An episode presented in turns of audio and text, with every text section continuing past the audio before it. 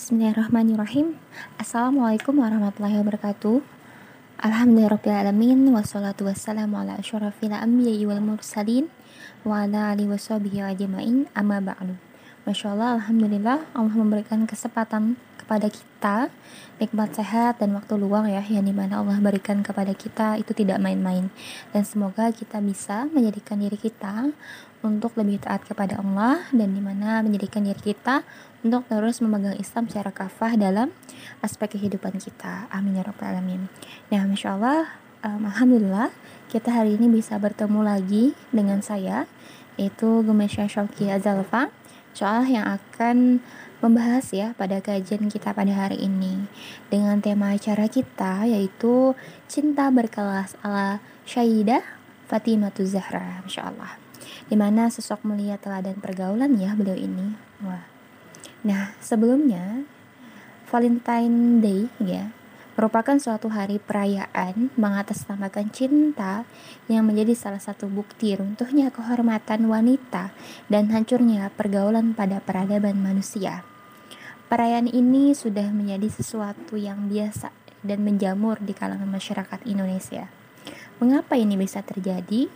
Terkait hal ini, Islam punya seperangkat aturan pergaulan dalam kehidupan. Salah satunya dicerminkan oleh seorang wanita yang dirindukan surga. Sosok mulia yang sangat menjaga pergaulan dan kehormatan diri, serta pandai menjaga perasaan dalam memposisikan rasa cinta. Siapa dia? ya dia adalah Sayyidah Fatimah Zahra. Nah, di sini kita akan mengajak di mana untuk seluruh wanita solihah menelaah lebih dalam bagaimana pergaulan dan penempatan rasa suka yang berkualitas dan berkelas dengan meladani sosok mulia merujuk syariat Islam.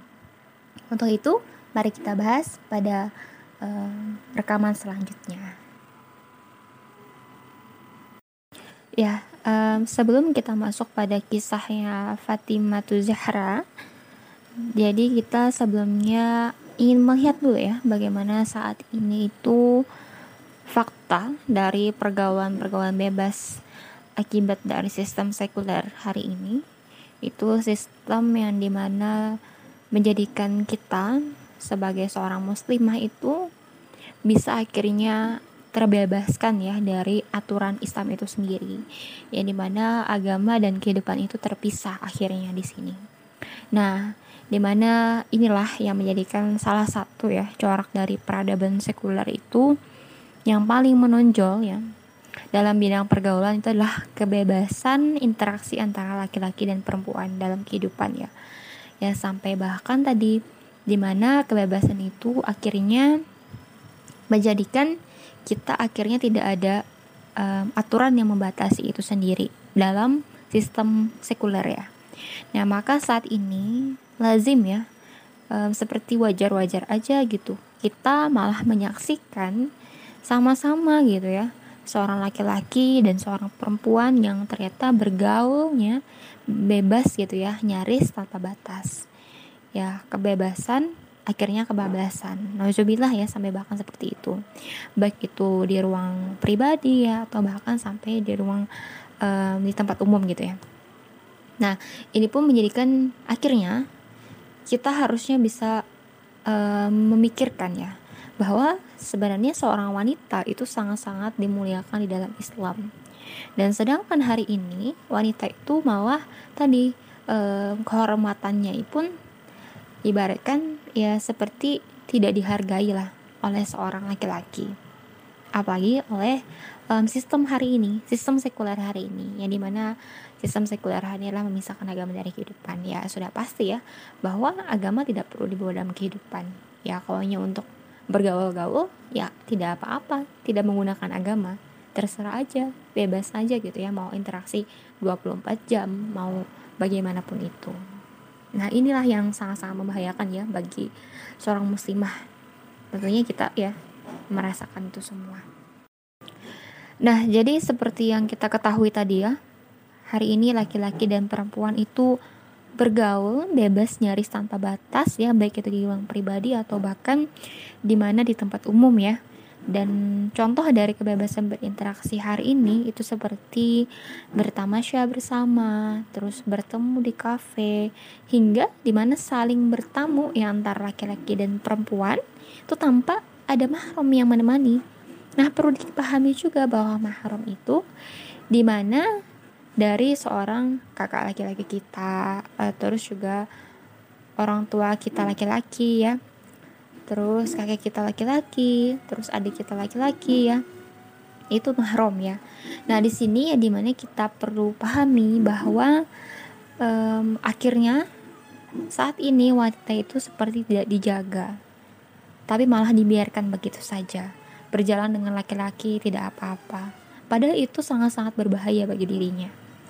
Nah, bahkan dalam konteks budaya pacaran muda-mudi masa kini, seorang laki-laki dan perempuan yang berpacaran itu merasa punya kebebasan penuh dalam berinteraksi ya satu kali 24 jam wah jadi untuk kekasih yang belum halal untuknya dan mereka sudah bebas gitu berinteraksi bahkan sampai masalah pribadi ya dan masalah keluarga pun diceritakan mungkin ya dalam aktivitas pacaran itu sendiri dari sekedar jalan berdua terus bergandengan tangan sampai bahkan berpelukan ya hingga tak sedikit di antaranya itu jatuh ke lembah perjinahan. Najubillah bijalib.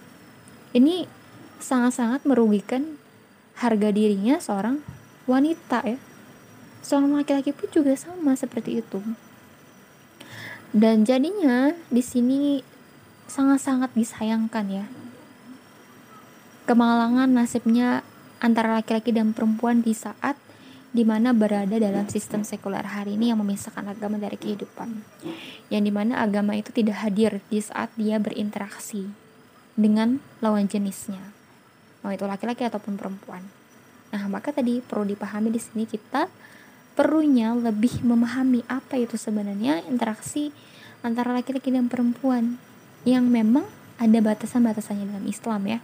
Dan ini pun tidak bisa dilanggar sembarangan karena memang semua itu ada aturannya di dalam Islam. Ya, hal seperti ini dalam tradisi sekuler masuk kategori kebebasan berperilaku yang dijamin ya dan dilindungi atas nama hak asasi manusia. Jadi kalau ada yang sampai kita misalkan menegur teman kita yang sedang berpacaran, maka itu sudah mengganggu yang namanya hak asasi manusia dia gitu sehingga siapa pun itu ya tidak berhak yang namanya untuk melarang perlaku bebas ini karena dianggap melanggar hak asasi individu lainnya. Masyarakat dikondisikan harus memahaminya seakan tidak punya ruang untuk sekedar saling menasehati ya.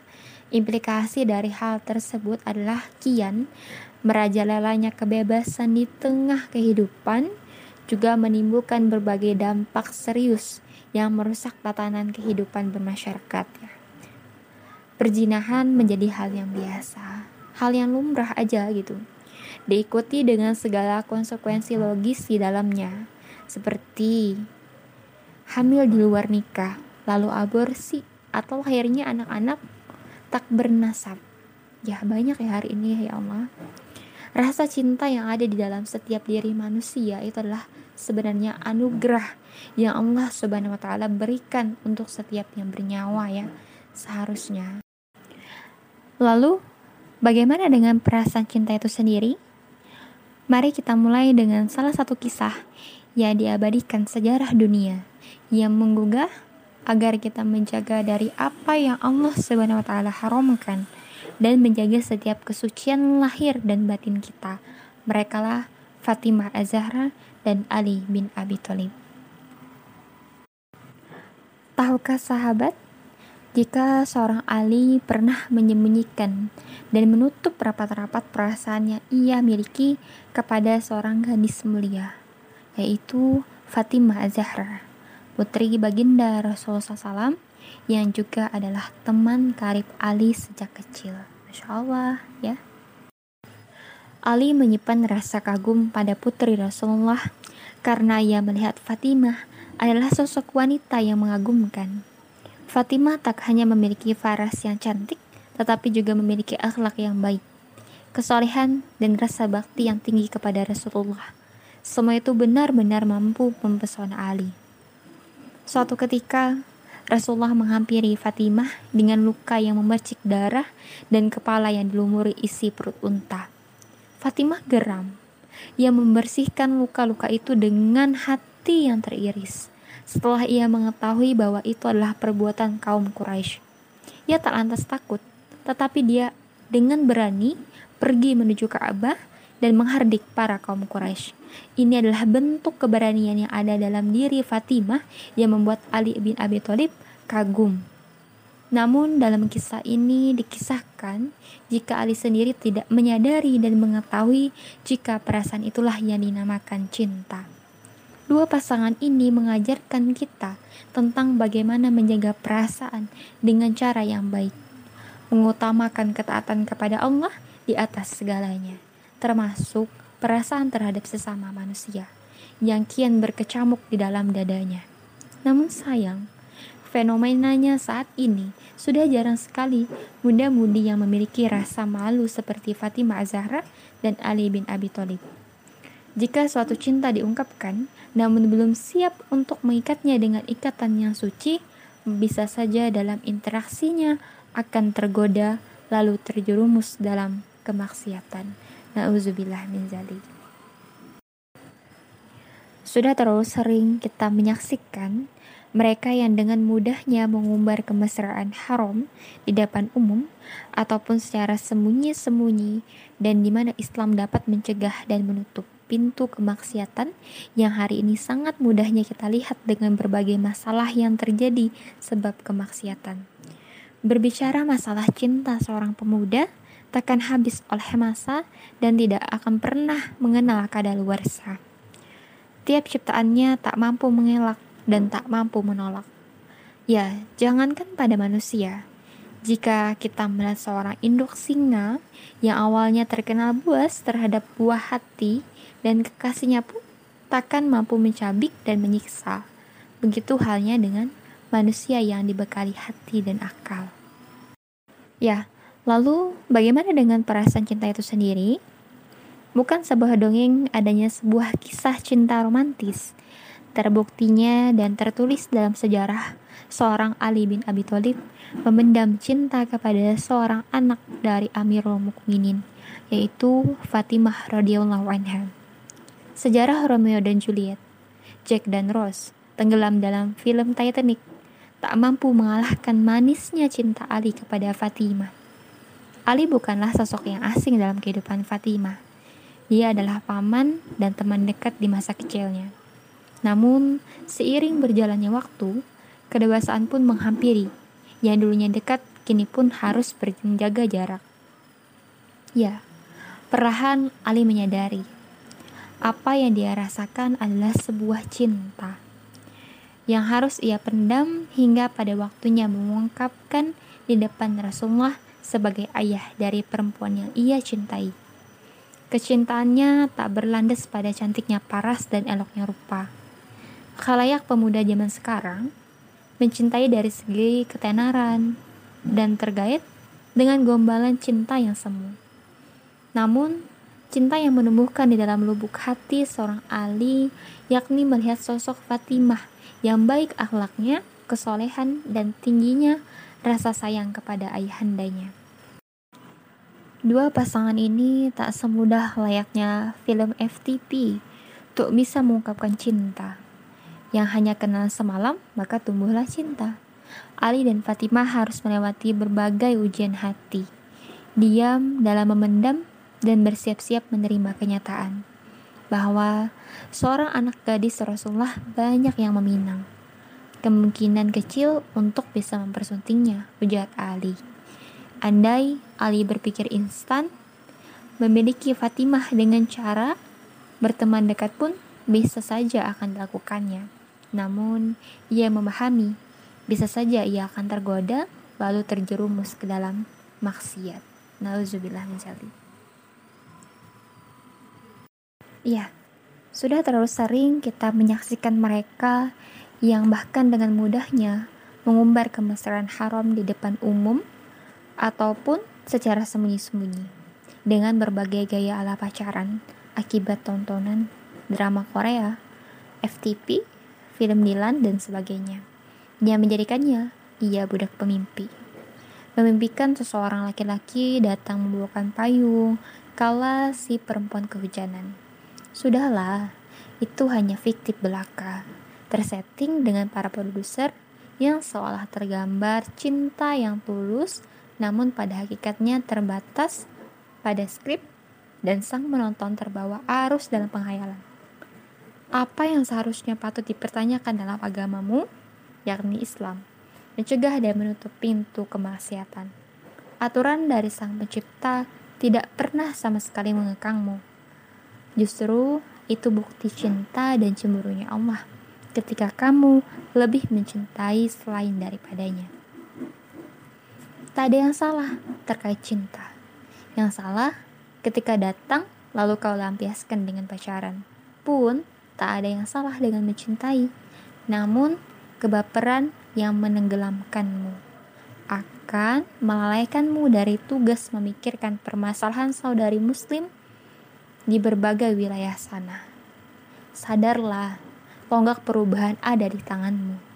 Apa kabar sebuah negeri mayoritas kaum muslim ketika para pemudanya hanya sibuk dan bahkan terlena dalam kebaperan yang tak berujung? Yang mana corak budaya seperti dalam kapitalisme sekuler yang memisahkan antara kehidupan dengan agama itu tidak akan ditemukan dalam peradaban Islam. Hal ini dikarenakan Islam memiliki sejumlah aturan yang membatasi kebebasan interaksi laki-laki dan perempuan hanya dalam batasan yang dibolehkan syariat, bukan di luar syariat, dan bukan juga untuk mengekang manusia. Namun, dengan aturan tersebut, di mana Islam itu menjaga kehormatan dan kemuliaan masyarakat untuk bisa terjaga. Dan ini pun menjadikan kita sebagai seorang muslim harus benar-benar memahami pada hakikatnya kita benar-benar dijaga di dalam Islam. Dan ada aturan-aturan yang memang menjadikan kita bisa sebagai seorang muslimah yang selalu menjaga diri dan kehormatan untuk diri kita sendiri bahkan untuk keluarga, masyarakat, maupun negara. Ya, ada beberapa di antaranya aturan Islam ya dalam masalah pergaulan, yaitu yang pertama, Islam mengharamkan kholwat atau berdua-duaan antara seorang laki-laki dan perempuan ya yang bukan mahramnya. Rasulullah SAW bersabda yang artinya janganlah sekali-kali seorang laki-laki dan perempuan berkhulwat atau berdua-duaan kecuali jika perempuan tersebut disertai mahramnya. Hadis riwayat Bukhari. Maka ini pun menjadi larangan ya, sekaligus akan menegaskan kebiasaan yang namanya mojok ya, mojok berdua pada budaya pacaran dalam sistem sekularisme. Atau dua orang lain nih jenis bertamu tanpa mahram di suatu rumah atau tempat pribadi. Nah, maka ini pun juga termasuk dalam berkholwat.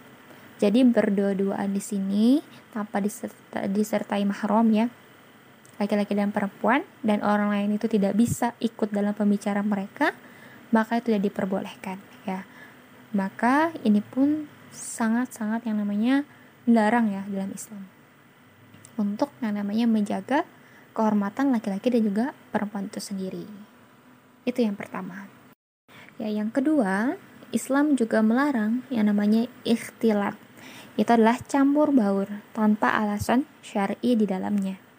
Sejak masa Rasulullah SAW, keterpisahan antara kehidupan laki-laki dan perempuan senantiasa terjaga. Hal ini nampak dalam pengaturan antara soft atau barisan ya. Saat sholat perempuan yang terpisah dari shopnya laki-laki ya. Biasanya kita lihat di masjid musola gitu ya. Selain itu Islam juga mendorong kaum laki-laki dan perempuan untuk tidak berdesak-desakan di tempat umum. Maka tidak akan ditemukan berbagai model campur baur seperti misalkan di suatu dalam konser musik ya atau bar terus juga diskotik ya tempat tamasya dan bahkan lain-lainnya. Jadi memang tadi e, di mana Islam itu punya pengaturan yang sangat-sangat komplit ya apalagi dalam bentuk interaksi semacam semacam ini karena ini akan membahayakan juga bagi kaum laki-laki dan perempuan. Khususnya ya karena memang tadi um, laki-laki dan perempuan ini harus benar-benar yang namanya menjaga dirinya. Apalagi sampai berdesak-desakan ya um, satu sama lain. Dan itu pun tadi akan menimbulkan berbagai macam hal yang bisa terjadi. Najubillah menjalik ya. Nah terus yang ketiga Islam memerintahkan laki-laki dan perempuan itu untuk menutup aurat. Batasan auratnya laki-laki itulah antara pusar dan lutut ya. Sementara aurat perempuan itulah seluruh anggota tubuh kecuali muka dan telapak tangannya ya.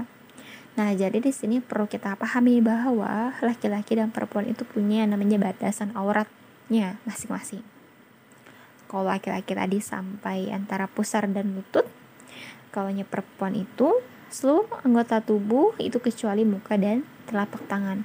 Nah, maka di sini pun perlu kita pahami bahwa ternyata wanita itu memang harus menutup ya.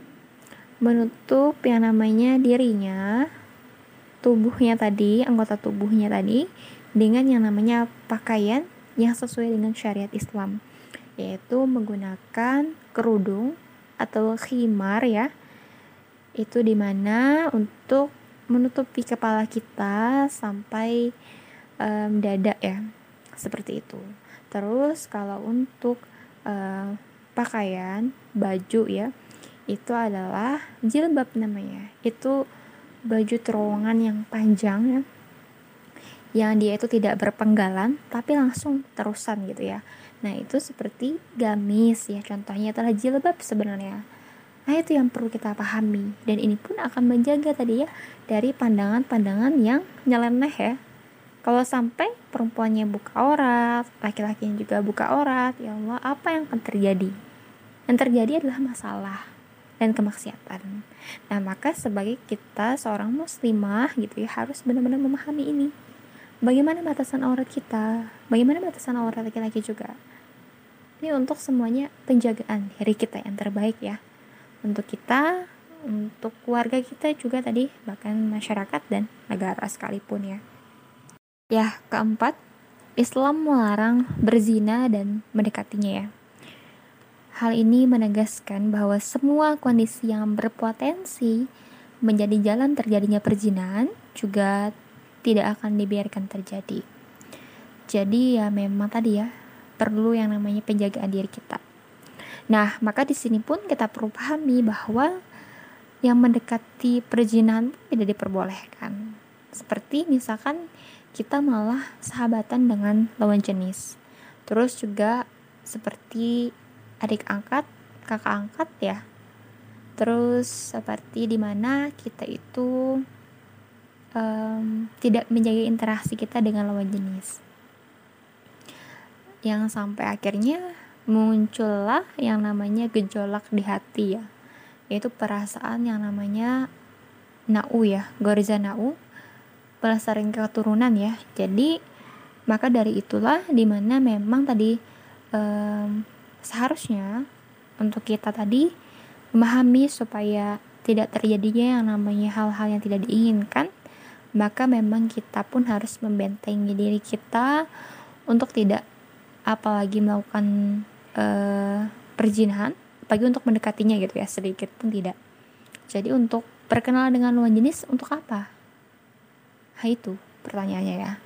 Jadi untuk apa juga sahabatan dengan lawan jenis? Terus untuk apa juga um, kita komunikasi dengan lawan jenis kalau tidak ada yang memang harus urgent ya dibahas ya. Misal seperti um, yang boleh diperbolehkan ya dalam Islam itu membahas um, di mana dalam pendidikan terus juga kesehatan muamalah ya sama terus itu persangsian dan juga pernikahan itu saja yang diperbolehkan Selebihnya untuk membahas masalah pribadi, apalagi sampai curhat-curhatan ya, maka itu tidak diperbolehkan dalam Islam ya. Dan yang kelima itu adalah Islam juga mengatur safar ya per, atau perjalanan bagi perempuan. Tidak dibenarkan bagi perempuan melakukan safar itu selama sehari semalam ya tanpa disertai mahram. Hikmahnya adalah di mana untuk menjaga keamanan kaum perempuan dari ancaman bahaya yang bisa datang kapan saja selama dalam perjalanan itu. Nah, maka perempuan itu akan dicegah melakukan berbagai perjalanan tanpa mahram yang memakan waktu ya selama berhari-hari baik atas nama kecintaan pada petualangan dan lain-lainnya seperti lazimnya dalam peradaban sekuler saat ini. Yang di mana saat ini um, apa memang bebasnya itu sampai bahkan wanita itu bepergian ya ke sana kemari gitu ya um, seharian semalaman gitu 24 jam tanpa disertai mahram. Yang terjadi apa?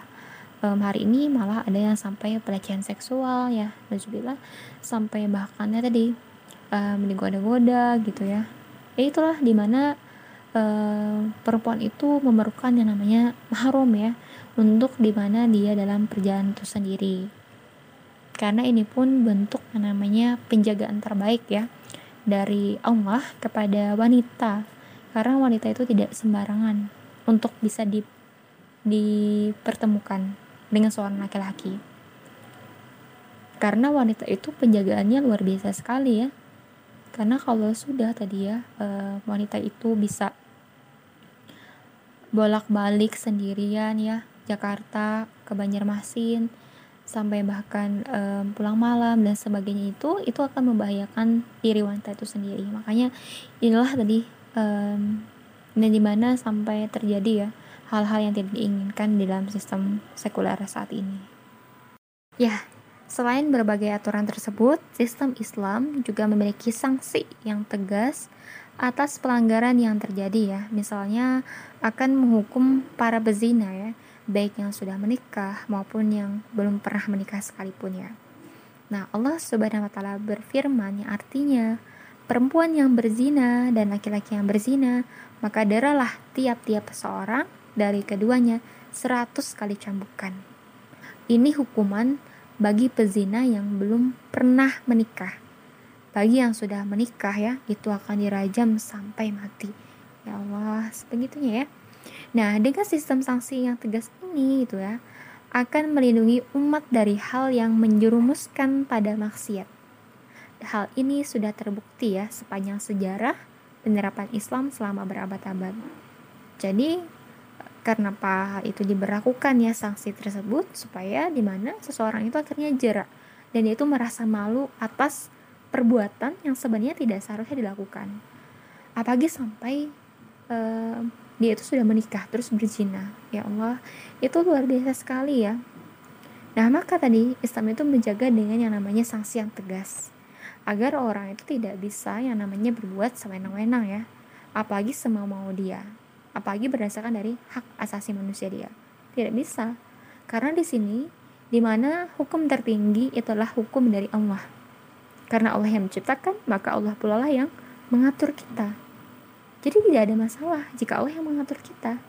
Tapi yang ada masalah adalah kalau kita ingin mengatur diri kita sendiri dengan aturan dari hawa nafsu kita. Itu yang akan timbul masalah untuk diri kita.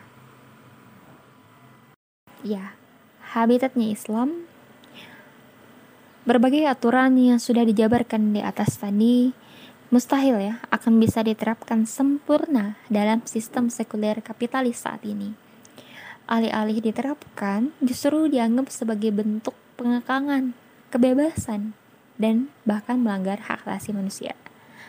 Oleh karena itu, untuk menerapkan sistem pergaulan sebagaimana diatur oleh Islam, maka kita butuh habitat yang kondusif dan mendukung untuk diterapkannya sistem ini dalam kehidupan.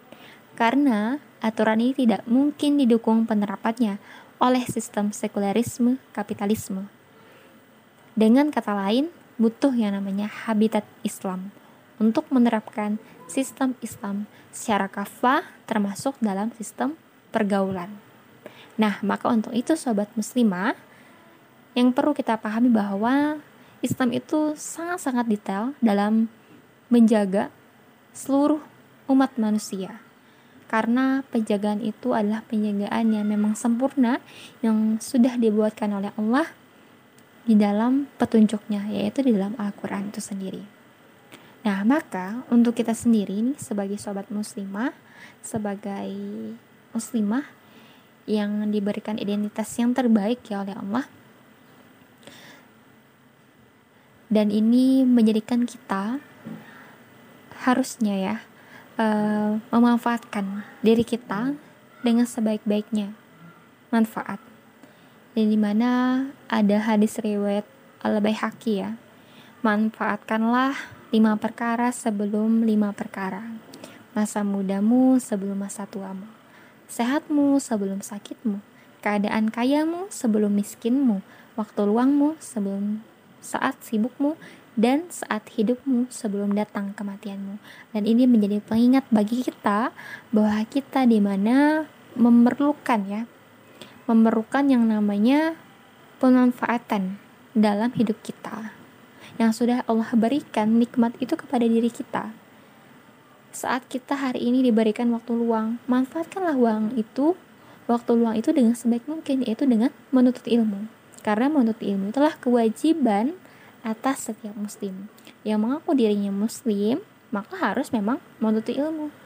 Karena menuntut ilmu itu adalah cara kita untuk di mana memahami harus seperti apa diri kita agar Allah itu cinta kepada kita karena tidak ada lagi bentuk um, yang harus kita akui ya selain bentuk kecintaan kita kepada Allah.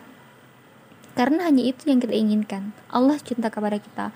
Allah ridho akan aktivitas yang kita lakukan. Itu dari saya Gumen Syashawki Azalapa terima kasih banyak kepada sobat solihah yang sudah mendengarkan penjelasan uh, pemaparan hari ini. Yang materi yang sangat luar biasa ya yaitu tentang cinta berkelas ala Sayyidah Fatimah Zahra.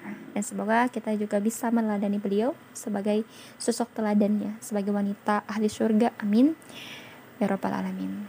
Assalamualaikum warahmatullahi wabarakatuh